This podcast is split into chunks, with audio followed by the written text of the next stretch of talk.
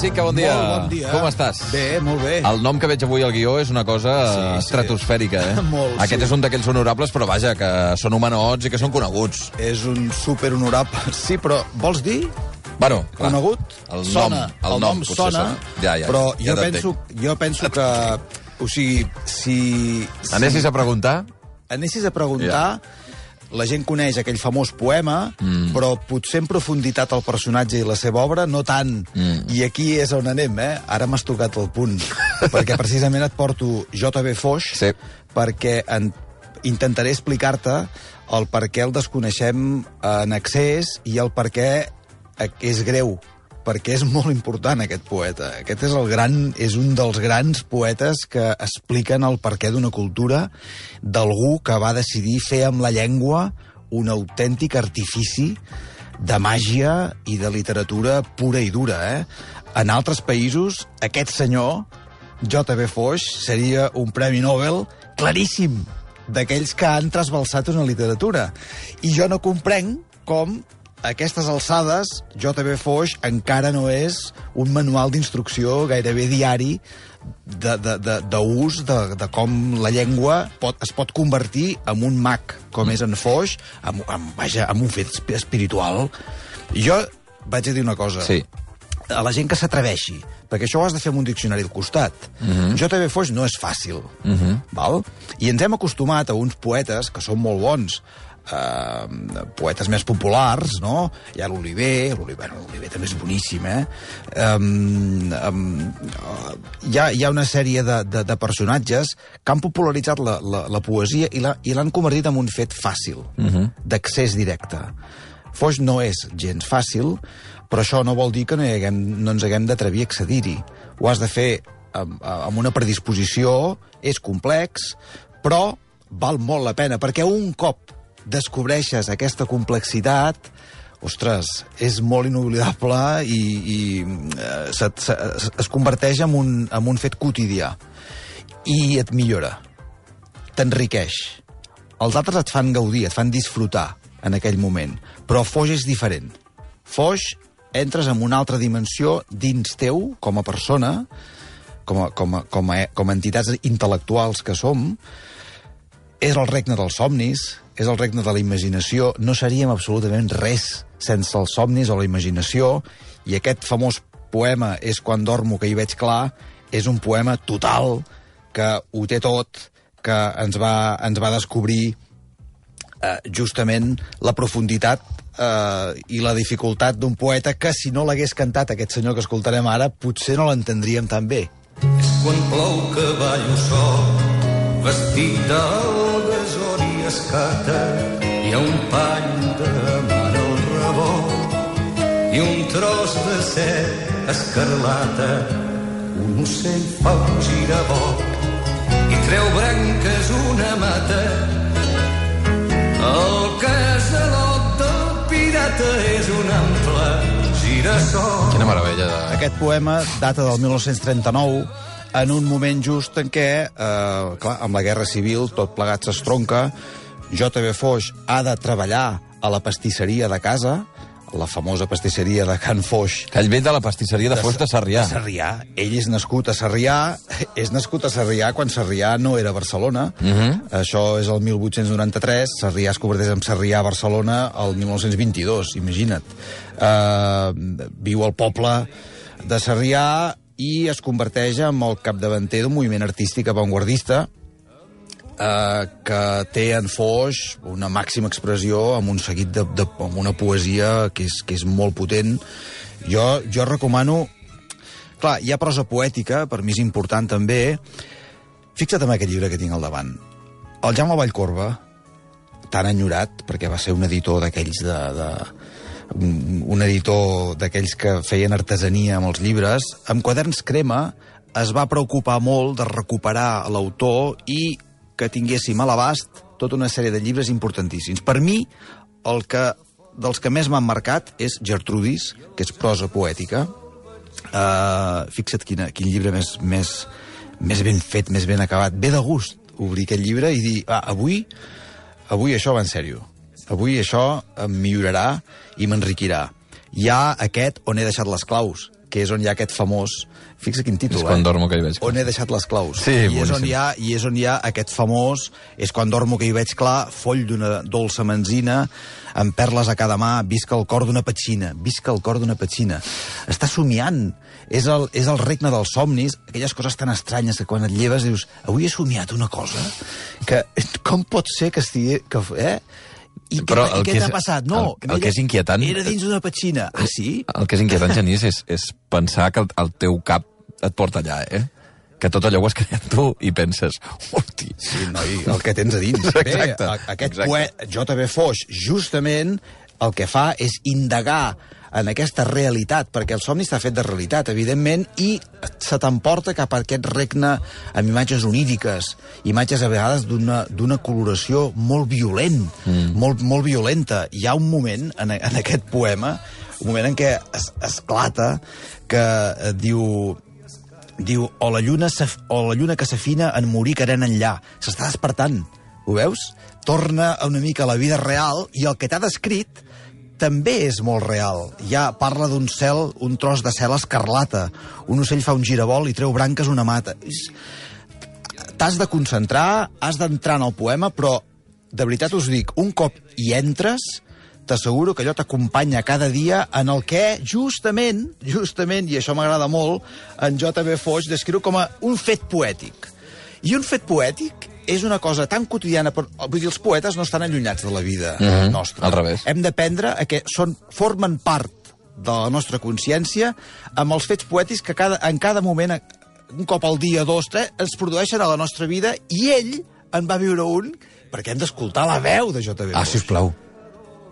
Jo Dani. anava, jo ana- anava acompanyada de la serventa de casa que m'acompanya als passeigs ara, Escolteu bé, eh? que tinc més dificultat per, per, per, per saltar d'una per pujar una, o baixar Va amb una escala. serventa. Eh? Una nena petit, un- d'uns 8 o 9 anys, que estava damunt d'un- pilot d'arena d'on de no sé on havien tret, en passar, tots dos, em diu, oiga, senyor, dic, què vols?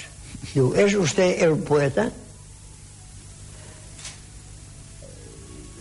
Dic, lo, lo que tu quieras soy. Dic, baixa, va, em fa un petó i em dona una flor. Això és un fet poètic. Això és un fet poètic. És veritat. Aquell, aquell moment. M'ha passat, eh? No, A que no saps, una cosa... no saps, a que no saps què m'ha passat? Sí, s'ha posat a ploure i justament la llum ha fet un esclat i mm -hmm. en aquell, que són moments molt íntims. Jo crec, Genís, de totes formes, però que la, és la vida quotidiana mm -hmm. sota la mirada del poeta. Bé. És a dir, el, el, el, la, segurament tots tenim moments i fets poètics eh, que ens passen per davant dels ulls i no tenint la mirada poètica no som capaços de, de, de diferenciar-los. el, M'explico? el domini del llenguatge. Això. Aquesta és la gran diferència, el domini del llenguatge. I en Foix va decidir que la seva poesia s'endinsaria en la dificultat d'un català que ja era fabrià, ell aplica la, no, la normativa, eh, la, aquella normativització de, de la llengua, eh, que, i que, que, que, en, que en Pompeu Fabra eh, va, va fer possible amb aquesta modernització del català. Però ho fa d'una forma tan rigorosa i aquesta manera que parla, que cada paraula que diu està pensada, està passada I per aquells un silencis. I aquests silencis. Aquella parada, de dir, vaig a dir la paraula adequada en Aquests cada moment. silencis. Bé, és, és, és la llengua. I sobretot intentar, com m'he fet, i ho sap tothom, És profecia. escriure en una llengua que integrés el català de des del català medieval fins al català, al català dialectal d'avui. Jo crec molt en la, en la poesia meva hi ha molta molta per dir un nom que no és ben bé exactament, però hi ha una música una música hi ha una sèrie de al- al·literacions i dissonàncies internes que els altres poetes no li tenen. Per això, llegir-los, hi ha gent que no entén el poema i li agrada el poema. Això passa molt. Mm. M'ha agradat molt això que estic llegint. No he entès res. a vegades dius... Perquè a mi em passa una cosa amb Foix que és tan profund, és tan ric, que hi ha moltes paraules que no les entenc, perquè no són d'ús teu quotidià. Però t'agrada com les ha musicat, t'agrada l'ordre amb què les posa, i dius, no he entès res, però m'ha entrat, Però és molt bonic. m'ha explicat alguna cosa que, exacte, que està molt ben feta, està molt, molt ben feta. Um, T'he de dir que um, la idea de fer aquest, aquest honorable d'avui em ve d'un amic meu que es diu Biel Bernils, uh -huh el poeta Biel Bernils, perquè l'altre dia li vaig presentar a Manresa un, un fet poètic que ha publicat, Sí. i de sobte li vaig dir, escolta'm, però tot això d'on surt? Perquè ell practica la- l'escriptura automàtica uh -huh. i aleshores eh, estava molt ben escrit i amb aquesta riquesa de llenguatge que a vegades et perd perquè no coneixes aquella paraula però en canvi t'atrapa, t'atrapa i t'absorbeix. I aleshores el Biel diu, home, això és foix. O sigui, hi ha un abans i un després. Diu, has de llegir un article meu que vaig publicar al Núvol que es diu eh, Foix a ultrança. I aleshores aquí fa una proclama, es va enfadar molt perquè el 2017 ningú celebrava els 30 anys de la mort del Foix. Aquí, ho, aquí que ho celebrem tot i commemorem tot, resulta que un dia TV3 no va mencionar Foix, no sé què, i, i es, va, es va enfadar i va fer aquest Va fer un article. Va fer un A raig. Va, típic del país, no?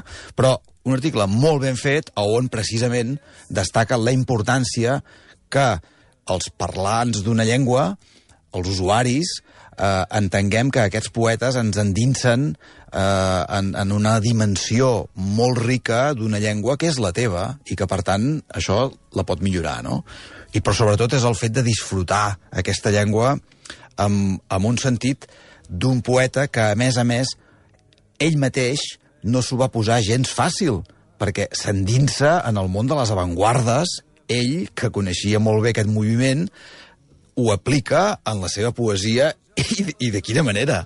però és el fet que jo em vaig avançar d'una sèrie d'anys que es pot dir que són 50 o 60 anys a escriure en una literatura que ara és reconeguda i en un llenguatge que és acceptat. Va sortir el cubisme i el cubisme es va conèixer aquí a Catalunya aviat gràcies precisament a en Josep Maria Genoll, que és el que feia de marxant, per dir-ho així, entre la cultura francesa i la cultura catalana. El públic del país, mm. no, el lector, no va quedar convençut mm. de les primeres proves que es van fer de cubisme i de surrealisme. Molt poc convençut. Al contrari, Catalunya, o en aquest cas Barcelona, que és el que dona tot, ha donat sempre, i encara el dona ara, la sensació d'un país que no es mou per gaire per, per, per inquietuds espirituals. Molt crític, eh? És un país que no es mou per inquietuds espirituals. Té bastanta raó, contràriament al que ens pensem. Sí, sí, sí. Ens pensem aquí que som no sé què i no som rei. O sigui, hem menyspreem personatges que- d'aquest tipus que es van atrevir eh, a adoptar un moviment internacional que a París ho petava i que ell, vaja, gairebé com a figura única, s'atreveix a omplir tota la seva poesia amb aquesta càrrega històrica, perquè això va canviar la manera de Dalí, tot, tota aquesta gent ho van adoptar perfectament. Clar, la pintura és més, en aquest sentit, fàcil perquè la gent ho veu, però llegir encara és més complicat.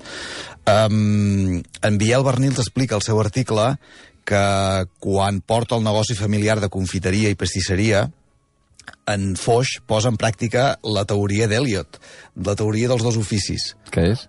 que és, eh, o l'Espinoza també ho feia, era òptic, Ah, que tenia dos, dos òptic, feines. però per les tardes escrivia. Bueno, això és una bona solució. Aquesta confiteria, la pastisseria, on avui diumenge està ple Sí, de sí, gent sí, anar a sí. buscar... El Tortell. pastís- El tortell, o el que sigui.